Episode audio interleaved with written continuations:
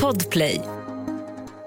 Du lyssnar på Disco och Noah, Expressens podcast av Allsvenskan med mig, Daniel Kristoffersson och Noah Bachner. Det här avsnittet presenteras i samarbete med Lorry-Hasse. It's time to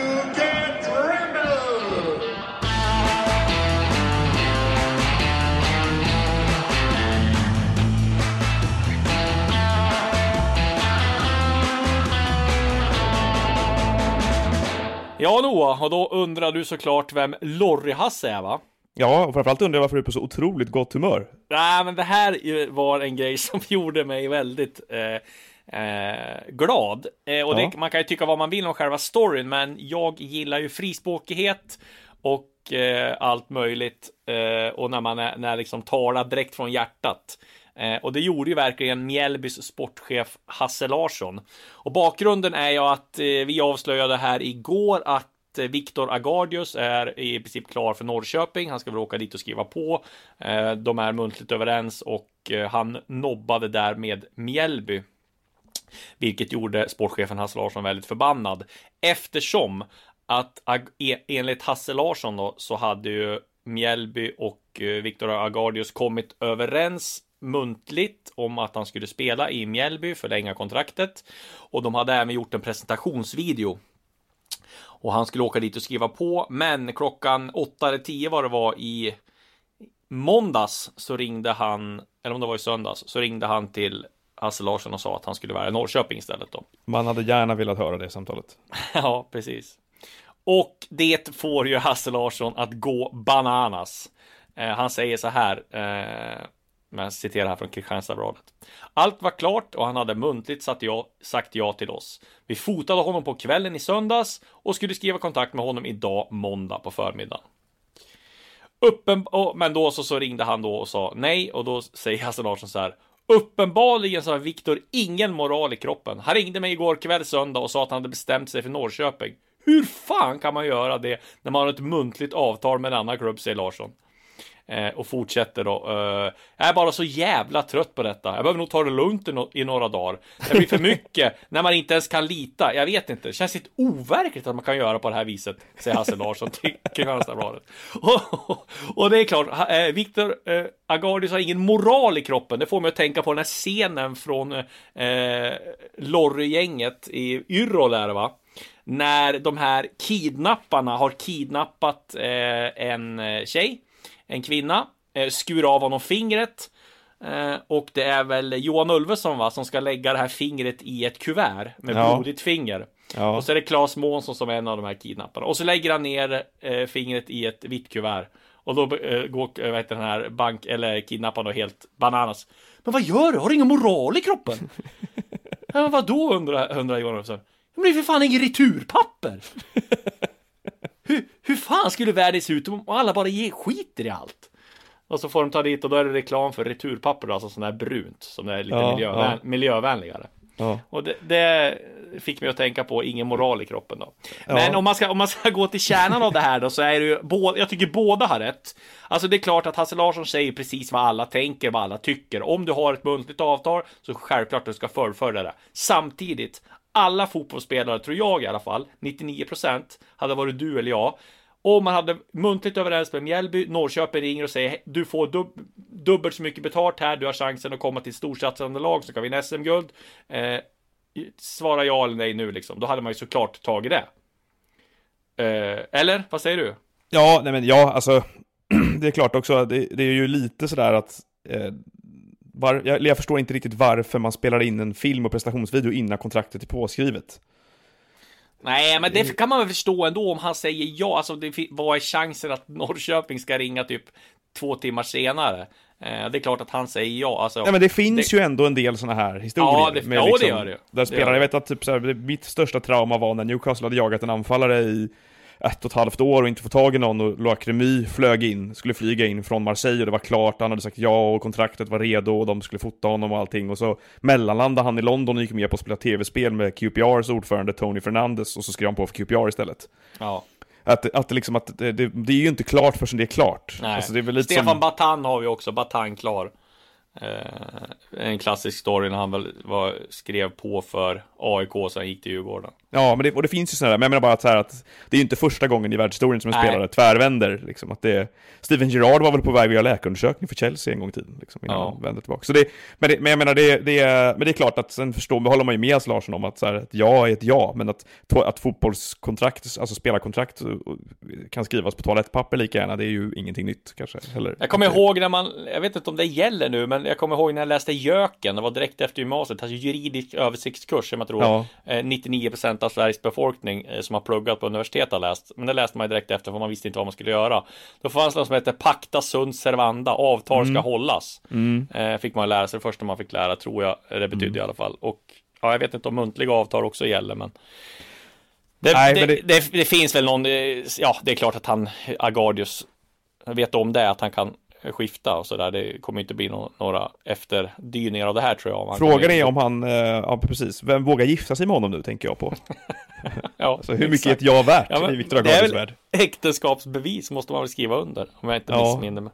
Ja, men det här bara, vill du gifta dig? Ja, absolut. Men kan vi vänta lite med ringarna? Ja, Ja, nej, Ja, men han, nej, så han, eh, han eh, kommer inte att bli bjuden om Hasse Larsson gifter sig igen i alla fall, kanske Nej. vi kan konstatera efter det här. Och Hasse Larsson blir nog inte bjuden på Agardis bröllop heller. nej, så Eh, känns det. Eh, Men vi kan väl säga där att Agardius är ju tänkt, han är väl, framförallt har han spelat vänster, vänsterback va, i, eh, i Mjällby, eh, om jag inte har fel, och även en del mittback. Men som i Norrköping har jag fattat att som han är tänkt som mittback, mittback, alltså vänster mittback i Ja. ett eh, 3-5-2. Ja, Eh, och eh, de har ju även värvat Marco Lund där direkt från eh, Odense som de skulle göra klart med. De gjorde ju klart med honom fram till sommar men sen så eh, gjorde de klart med honom nu istället och det blev presenterat igår. Jag tror väl att Agardis presenterat idag eller imorgon. men har, detta med mig fel, men har inte Norrköping varit ute efter Agardius tidigare också? Alltså det finns väl en historia här va? Att Ja, de, jag tror det för fem, flera år sedan. fem år sedan. Ja, precis. Ja. Och sen var jag på väg utomlands nu, tackade nej till Helsingborg och Kalmar.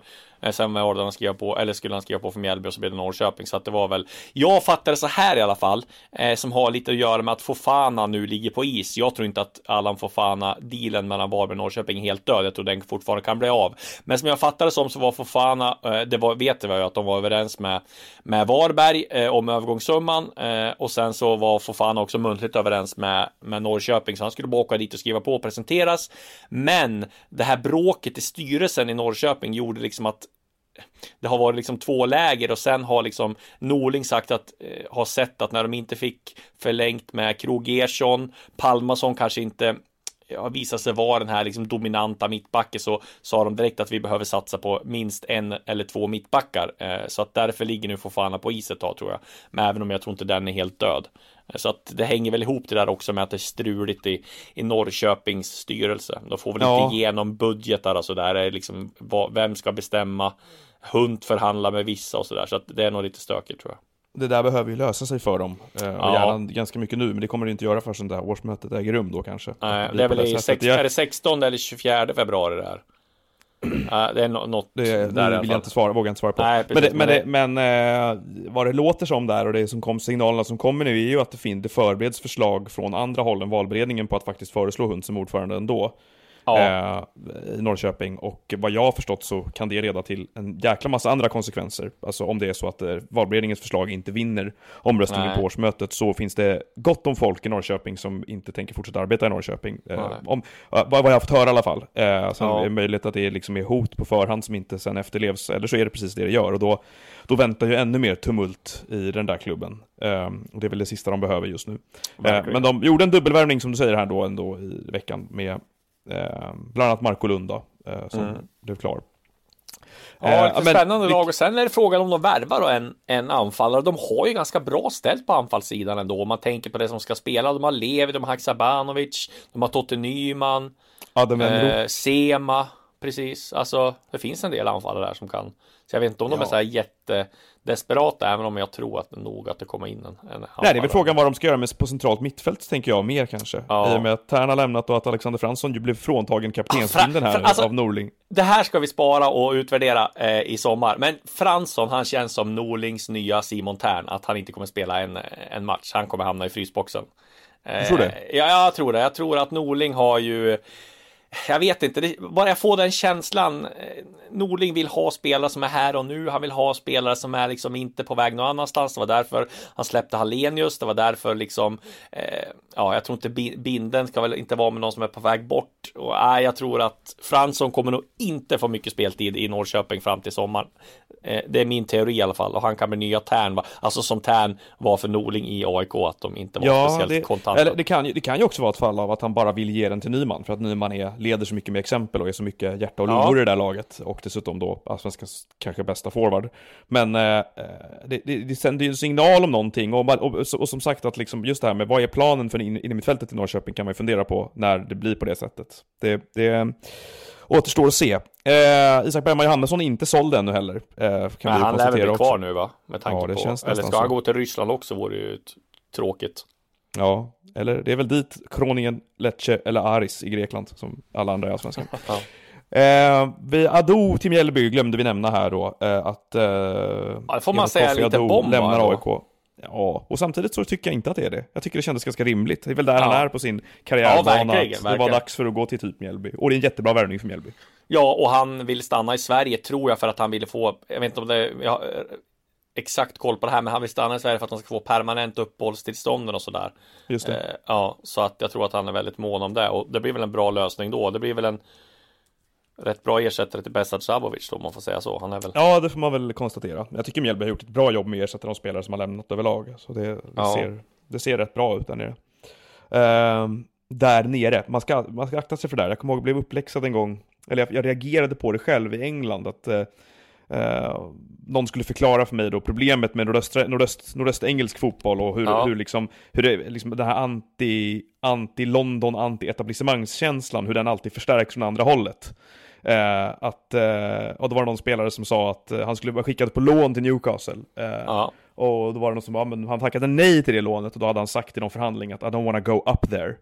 Eh, och att up there har blivit liksom som att man åker upp dit. Att liksom, Okej. det, är aldrig, det är aldrig Newcastle som är utgångspunkten för någonting. Och samma sak att jag börjar prata om där nere i Mjällby, som att allting utgår från Stockholm och han, han, det var dags för honom att flytta ner dit. ja, Liksom att det, ja, det, du förstår vad jag menar. Man, vill inte, man får inte fastna i det där för exakt. mycket, geografiska tänket för mycket kanske. Ja, vi har den stora bomben också. Eh, Bosse Andersson som vi visste skulle ha ett S i rockärmen. Eh, sen kanske inte vi visste att det skulle komma så här tidigt som i februari. Brukar ju komma i april. Eh, eller i slutet av mars. Men Joel Asoro eh, köps loss från Swansea för 7 miljoner. Fyraårskontrakt för 21-årige landslagsmannen. Och eh, ja, Bosse Andersson var mäkta stolt eh, när han poserade på eh, ja, vad heter det, Djurgårdens officiella hemsida med Azor och det är klart att det är en ruggig prestigevärvning det här. Eh, nu ska vi säga så att Azor har ju inte öst in mål. Han var ju utlånad från Swansea till Genoa där han inte fick någon speltid. Eh, skulle väl tillbaka till Swansea men det blev strul med ja, inresetillstånd och sådär. Han var dessförinnan utlånad till Groningen eh, och eh, gjorde öst inte in mål i Holland heller kan vi Nej, precis. Så han har ju inte gjort mål. Men det är ju en Men- spelare vars styrkor inte bara ligger i målskyttet. Alltså, det är ju, jag såg mest av ju- honom när han spelade för Sunderland, för jag tyckte när han fick chansen där att det var spännande att titta på. Så jag Ja. tittade på framförallt en del sammandrag av vad han hade gjort och någon, lyckades väl se någon match där i sin helhet. Men att han är ju, han är ju, han är ju ett djupledshot, vilket Djurgården verkligen behöver. Och han Ja, är är ganska skicklig Turay, en mot- typ. skick, skicklig en mot en situationer. Han är bra på att Ja. göra sin gubbe. Han är mer användbar på kanten än vad Turay har varit, så jag skulle inte Ja. göra den parallellen. Turay var också en bra avslutare, framförallt på matcher. De klagade alltid på hans avslut på träningarna, men på matcher satt han ju allt. Men att, här- jag, tror, jag, tror att Asoro, jag tror att Asoro är ju liksom en, en ganska mycket mer användbar spelare, mycket mer allround, men det- där det fortfarande, det finns ju frågetecken för hur han ska omsätta sitt spel i målskytte på seniornivå, för det har han inte gjort riktigt. Mm. Nej. Däremot så hade det här varit liksom en medelvärvning om det hade varit lån på ett år eller om det hade varit korttidskontrakt. Ja. Men nu är det ändå ett fyraårskontrakt. Man investerar mycket pengar och jag ju svårt att se att Djurgården på fyra år inte ska eh, liksom få utväxling på Joel Asoro ekonomiskt och sportsligt. Däremot tror jag att man kommer måste ha jättemycket tålamod.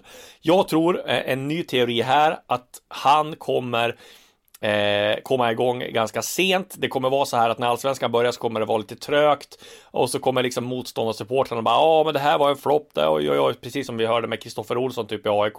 Oj, de har värvan och sen så kommer han eh, liksom Eller Tankovic i Bayern var ju samma sak Ja, också. precis. Och han kommer eh, liksom explodera kanske, men han kommer börja leverera här efter efter sommaruppehållet kommer vi nog få se det, det bästa av honom. Så att, Ja, men det är nog inte en helt uh, orimlig teori. Men Nej. när det gäller Asoro så liksom, han har har ju haft ett stort namn kring sig. Dels för att han var med i den här helt hysteriska 99-generationen. Eh, jag ska eh, återkomma till det strax. Men eh, också att eh, med hans rykte och eh, sådär. Det finns ju svenska spelare som har gått till till engelska klubbar och fått chansen en bit ner i, i seriesystemet där borta. Men frågan är om Asoro hade blivit lika uppmärksammad om det inte varit så att han slog igenom parallellt med Josh Maja i Sunderland när de spelade in den här Netflix-dokumentären. För det är ju rätt mycket så att mot slutet av den säsongen när Sunderland åker ur där så, så får ju både Asoro och Josh Maja, de, de, de skolas ju in i A-laget egentligen. Och eh, eh, gör det väldigt bra. De blir ju representant, de blir någon sorts hopp då, någon sorts ljuspunkt i deras ganska mörka vardag där båda två. Och Maja säljs ju sen säsongen efter till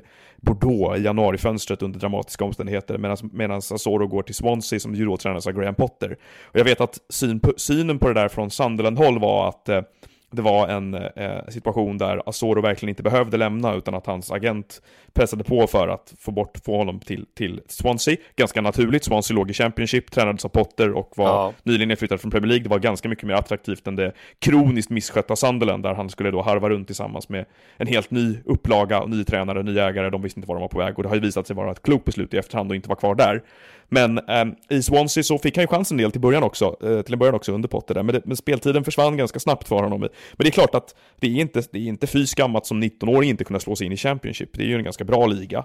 Så Nej, det, är precis. svårt, det är svårt att värdera honom, det är väl det jag vill komma till. Att det är svårt att veta exakt var vi har honom och vad som är potential och vad som är färdig förmåga i det här läget. Det man, det man kan säga också är ju att när eh, 99-landslaget skördade vissa framgångar och blev lite hypade där, då var det ju eh, Mattias Svanberg, Alexander Isak, Anel Ahmedhodzic, Pontus Dahlberg, men kanske framförallt Asori som, Asori som stal rubrikerna. Ja. Att, eh, att han var, och, och han gjorde ju debut i u landslaget samtidigt som Isak. Eh, det var ju någon eh, SVT-repo, eller TV4 var det som gjorde ett reportage om dem där, att de återförenades efter att ha mötts på Stockholms sjumannaplaner eh, som små. Så att han har ju liksom hela tiden nästan legat, legat ganska långt fram i den där 99-kullen. Eh, Haksabanovic också 99, ska, ska nämnas. Eh, och en hel del andra spelare.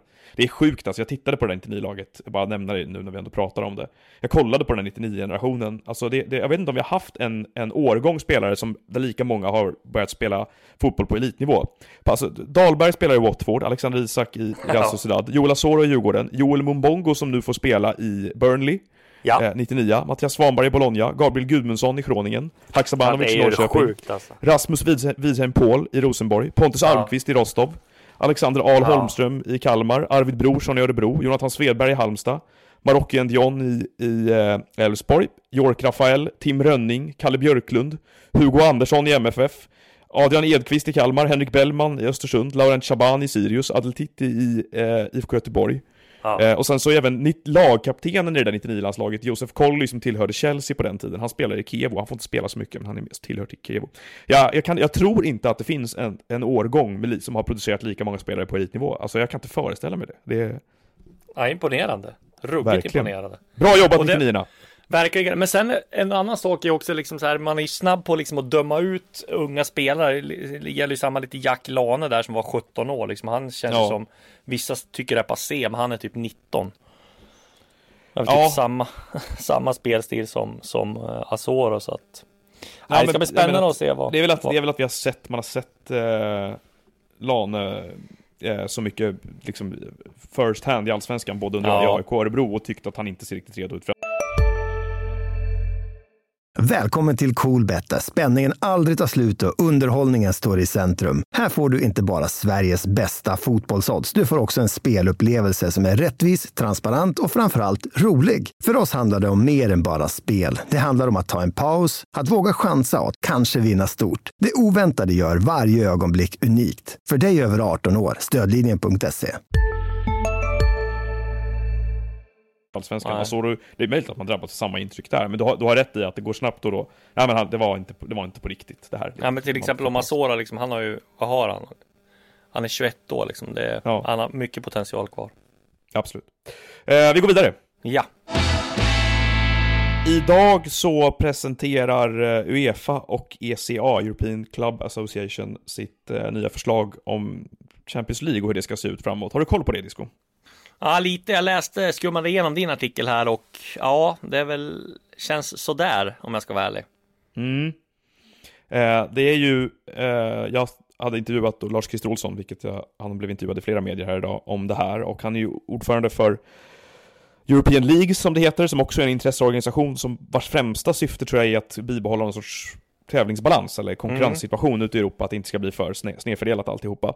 Eh, och det kan man ju tycka att de är på väg att misslyckas med, med tanke på hur det ser ut eh, ute i Europa då, med, med monopol eh, på framgång och pengar och sådär. Och det här, problemet med det här förslaget då, som Lars Christer Olsson kritiserar hårt, är ju då att det är egentligen så att Uefa eh, till syvende och sist eh, går Eh, ett fåtal klubbar och ligors ärenden, framförallt klubbar kanske, att det är, de är rädda för att de här 15 bästa klubbarna i Europa ska bryta sig ur Uefa och sätta igång eh, en liga på eget håll. Eh, det har ju varit ett bråk här under våren och vintern, eller vinter, hösten och vintern om det här för att planerna på en superliga från framförallt Real Madrid och Barcelona och Manchester United och, ett par andra klubbars håll har blivit lite offentliga och Fifa har hotat med att spelarna som, som skulle göra det, skulle spela för de klubbarna då, får inte vara med i EM och VM och då det är ju någon sorts, eh, ja, det är ju ett hot liksom för, för att behålla makten. Tyvärr är ju inte, är ju inte Fifas oro att, eh, att maktbalansen ska skifta för gott då, eller att fotbollen ska bli ointressant, utan det är ju att de inte ska få ta, dra nytta av intäkterna som de här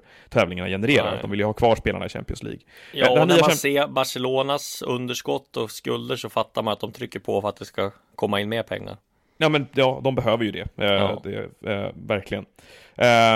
Och det där blir ett problem för hela systemet sen eftersom de där pengarna rinner ner till mindre ligor. Hur som helst då, det här nya förslaget ska innebära att Champions League utökas med fyra lag, men framförallt att spelschemat blir ett annat och man ska spela 100 matcher till. Idag spelas det 125 Champions League-matcher per säsong. Det nya förslaget betyder att man ska spela 225 matcher per säsong.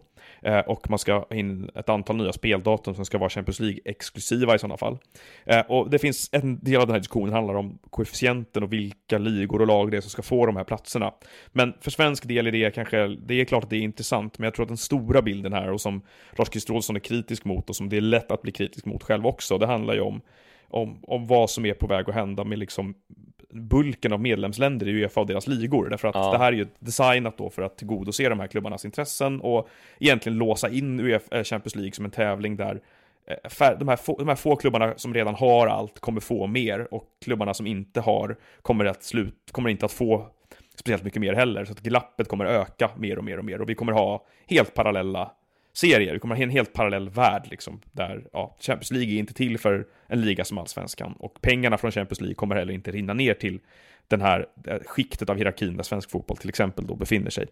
Eh, och det är problemet. Och jag, jag undrar ju två saker. Det ena är liksom att eh, vi ska säga så att det här kommer röstas igenom då i, i eh, mars månad förmodligen, då klubbas alltihopa svart på vitt och de, de, Uefa vill då inte förhandla om den nya fördelningsmodellen av ekonomiska medel här, utan de vill vänta med det säger de. Och det tycker ju då European League att det är rätt korkat, därför att när det väl är klubbat så finns det ingenting att förhandla med. De kan ju inte säga nej till det här förslaget längre då, när de, om, när de redan har sagt ja till det. Eh, det, de två stora problemen i alla fall med det här är ju det ena då att, att eh, här borde ju Svenska Fotbollförbundet gå ut i fullskaligt krig för svensk fotbolls skull. Alltså de borde ju vara eh, väldigt upprörda över det här och bedriva en rätt ordentlig kampanj tillsammans med liknande ligor för att det här inte ska bli fallet. Och framförallt sätta lite press på Uefa. För att om Uefas roll ska vara att tillgodose alla sina medlemmars intressen så kan de inte hålla på på det här sättet, tycker jag. Jag, jag frågar mig liksom, vad är Uefas framtid om det är så att de, att de underordnar och negligerar behoven hos de allra flesta av sina förbund och tillgodoser de här 15 klubbarna. Då, då får de liksom välja väg där känns det som, att antingen bryter Ja. sig de här 15 lagen ut, eller så, kommer de, eller så finns det ju ingen poäng för ett land som Sverige att vara med längre. Eh, om de liksom bara struntar i, i svensk fotbolls behov. Och sen det andra, att det här är ju liksom en del av en utveckling där eh, Fifa och Uefa framförallt då i jakt på de här, eh, på, på de här mandaten och rättigheterna och eh, makt, på makten om fotbollen egentligen eh, har spårat ur åt ett håll som väldigt få personer tycker om. Alltså inte många gillar ju att höra om att Champions League blir ännu mer monopoliserat och maktkoncentrerat. Inte så många som följer fotbollen runt om i världen tycker om att VM spelas i Qatar, tycker om att eh, agentsituationen i fotbollen är totalt oreglerad, tycker om det här maktkoncentratet, eh, tycker om ägarstrukturen, även om du såg förra veckan i England var det senast en, en grej igen, här om då uppköpet av Burnley, där den ägargruppen som har köpt Burnley har ju pantsatt klubben liksom, så de hade inte Ja. råd med den egentligen och då, ja, det blir bara dåligt för dem. Eh, men att det aldrig är någon som klarar av att mobilisera. Eh, att liksom att det, det, det, det finns ju ingen stark motrörelse mot det här. Alltså det är liksom att det, det, det finns ingen, liksom, i många politiska kamper så finns det ju en väldigt tydlig oppositionskraft. Liksom. Att det här att, ja men vi, vi är jättemånga som inte gillar det här och nu ska vi, nu ska vi lågintensivt eller revolutionärt göra uppror mot det här. Men det, den kraften ser man inte i fotbollen riktigt. Det är de här against modern football och mot den moderna fotbollen-rörelsen, men det är ju liksom en, en hashtag som oftast liksom, ja, ja den, den svischar förbi ibland och den syns på ett lakan lite hit och dit och de flesta människor styr, skriver under på vad, vad innebörden av den liksom, att det är, de flesta som går på matcher i många länder tycker att det är, att, tycker inte om den här utvecklingen, men, det, men var är motoffensiven? Jag, jag ser Nej, fortfarande det inte den finns någonstans. inte, tyvärr. Eller hur? Och på, och på ett sätt kan jag tycka att så här, för svensk del att en sak är att vi har ganska opolitiska företrädare i förbundet. Att, Ja, jag menar, Karl-Erik Nilsson är ju väldigt sällan ute och, och engagerar sig i debatter eller liksom tar debatter till, till något annat rum än fotbollens eller eh, sätter press eller kritiserar eller bedriver någon konflikt, liksom letar konfliktytor för att få igenom sin vilja eller sådär. Men att hade det varit på ett annat sätt om svensk fotboll var bättre på att se sig som en del av europeisk fotboll. För jag upplever att svensk fotboll verkligen inte gör det. Alltså våra supporterkrafter och klubbar och sådär, vi är väldigt nöjda med att vara på vårt hörn.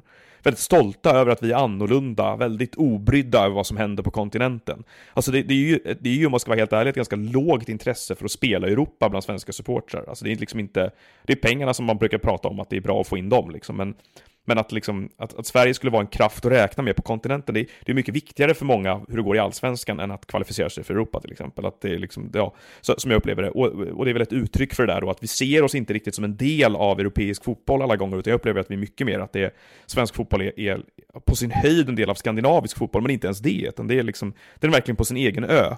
Och jag Ja. funderar en del på det här, att om, man hade, om det hade varit annorlunda, om vi hade sett oss mycket mer som en, som en pusselbit i den europeiska fotbolls på det europeiska fotbollspusslet då på något sätt, då hade man kanske bedrivit mer kampanj mot förbundet, satt mer press mot förbundet från klubbar och från andra företrädare på att göra någonting åt det här. Att liksom, Sverige hade kunnat vara en lit, en, någon sorts mobiliserande liksom, Verkligen.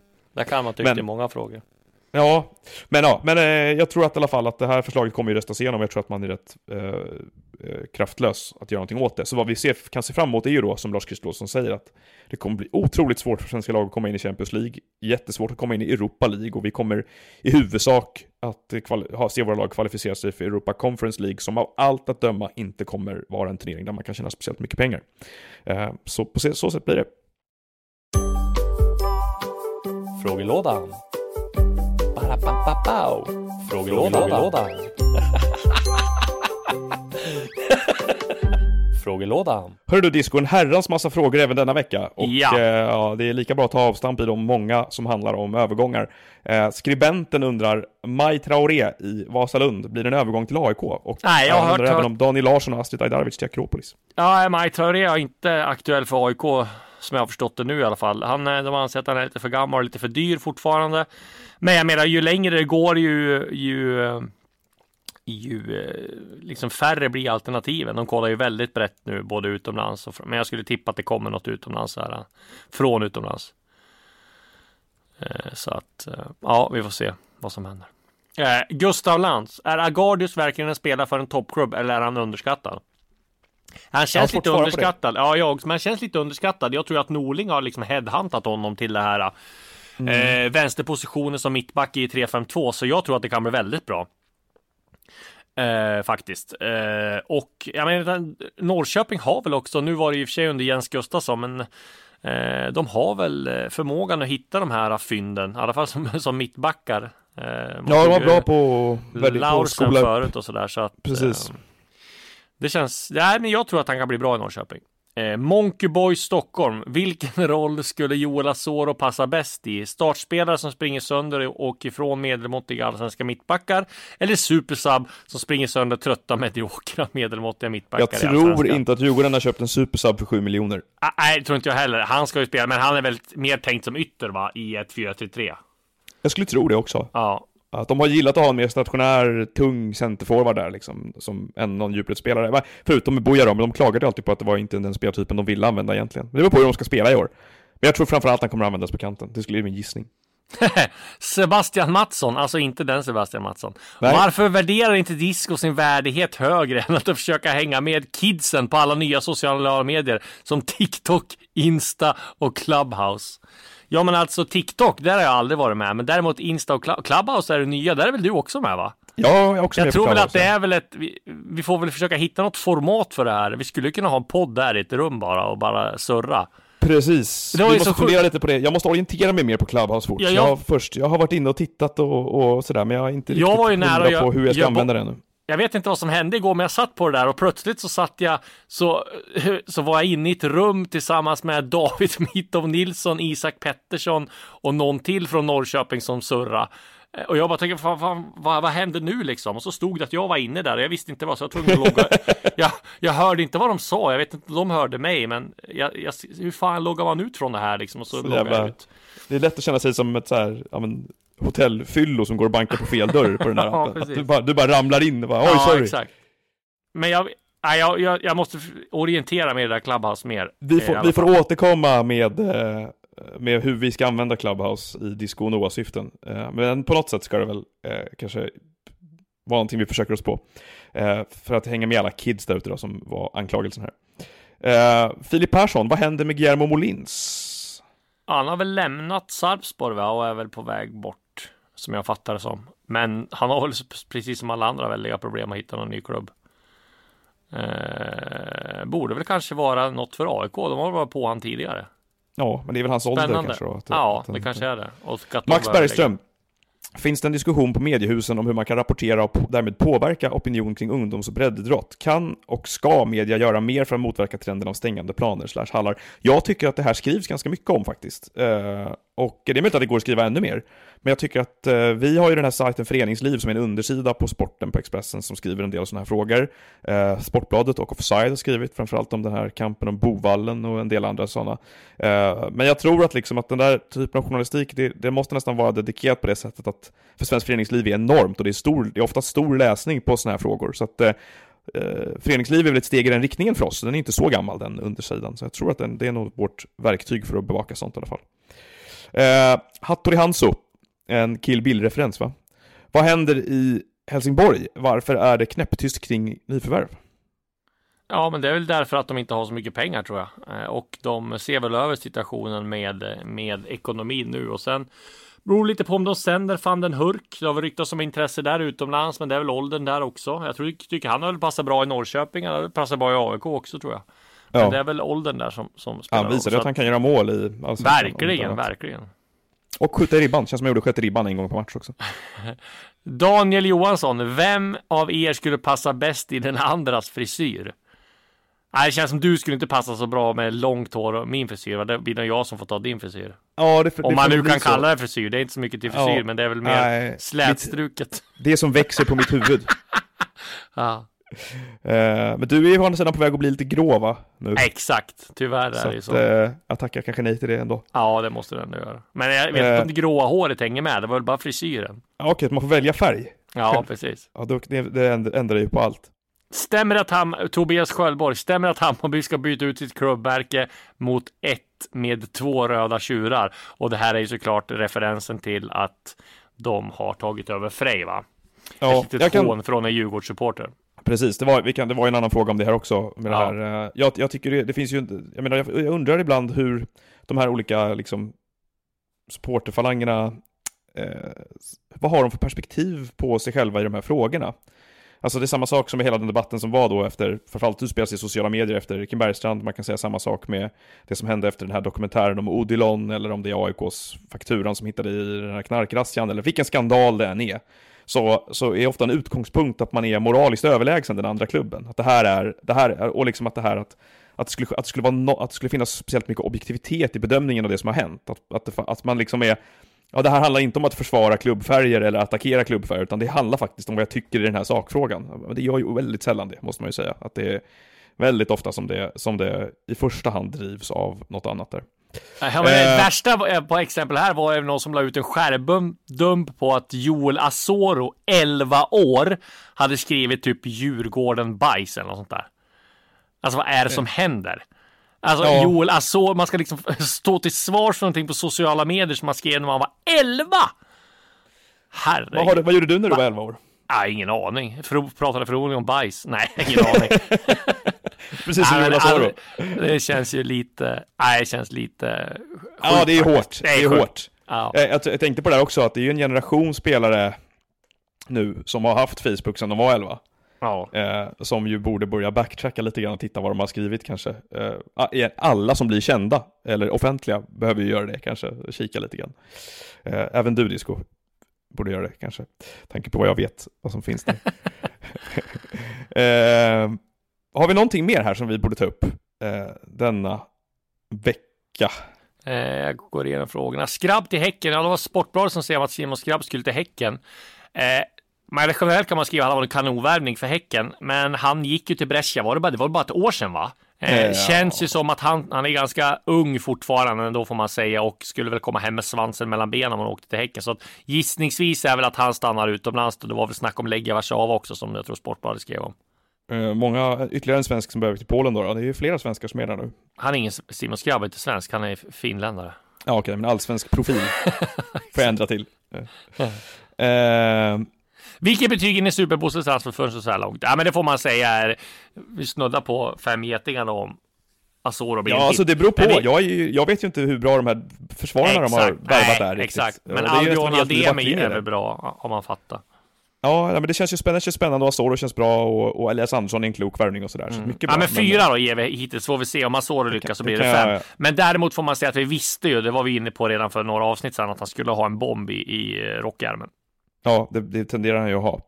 Eh, vi måste väl också nämna det, vi gick förbi det lite förut här, det som Akropolis håller på att göra med Daniel Larsson och Astrid Ajdarevic. Ja, Att det är, du har varit inne på det tidigare, att Superettan är, är rustad. Det kommer vara ett smörgåsbord för Superettan med spelare som inte kommer få något annat utomlands och det är väl de här två ett bra exempel på. Vi har ju liksom Robert Lundström, Linus Alenius i GIF Sundsvall också. Vi har väl AFC som har värvat några profiler eh, så att eh, och Akropolis har värvat Panos Dimitraidis också så att det känns ju som att det kommer bli ännu mer värvningar till till eh, Superettan här om några veckor. Eh, En månad, ger en månad till så kommer de ha ännu mer profiler och det kommer bli en stark superetta nästa år. Sen kommer det bli problem för alla lag att spela ihop alla nya så, såklart.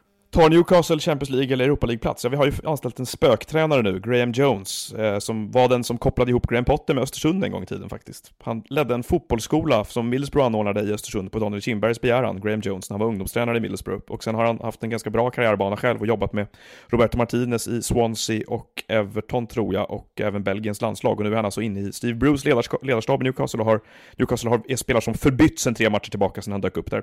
Även pratat med honom på telefon en gång i tiden, han håller på Newcastle väldigt mycket, så att det känns bra. Eh, så Champions League blir det, eh, framförallt nu när eh, Uefa reformerar hela grejen för att få plats med Newcastle, det är det alla vill egentligen. Men jag tror vi lämnar det här avsnittet där, eller hur? Ja, det gör vi. Och försöker besvara fler frågor nästa vecka. Ja, Hej med dig! hej.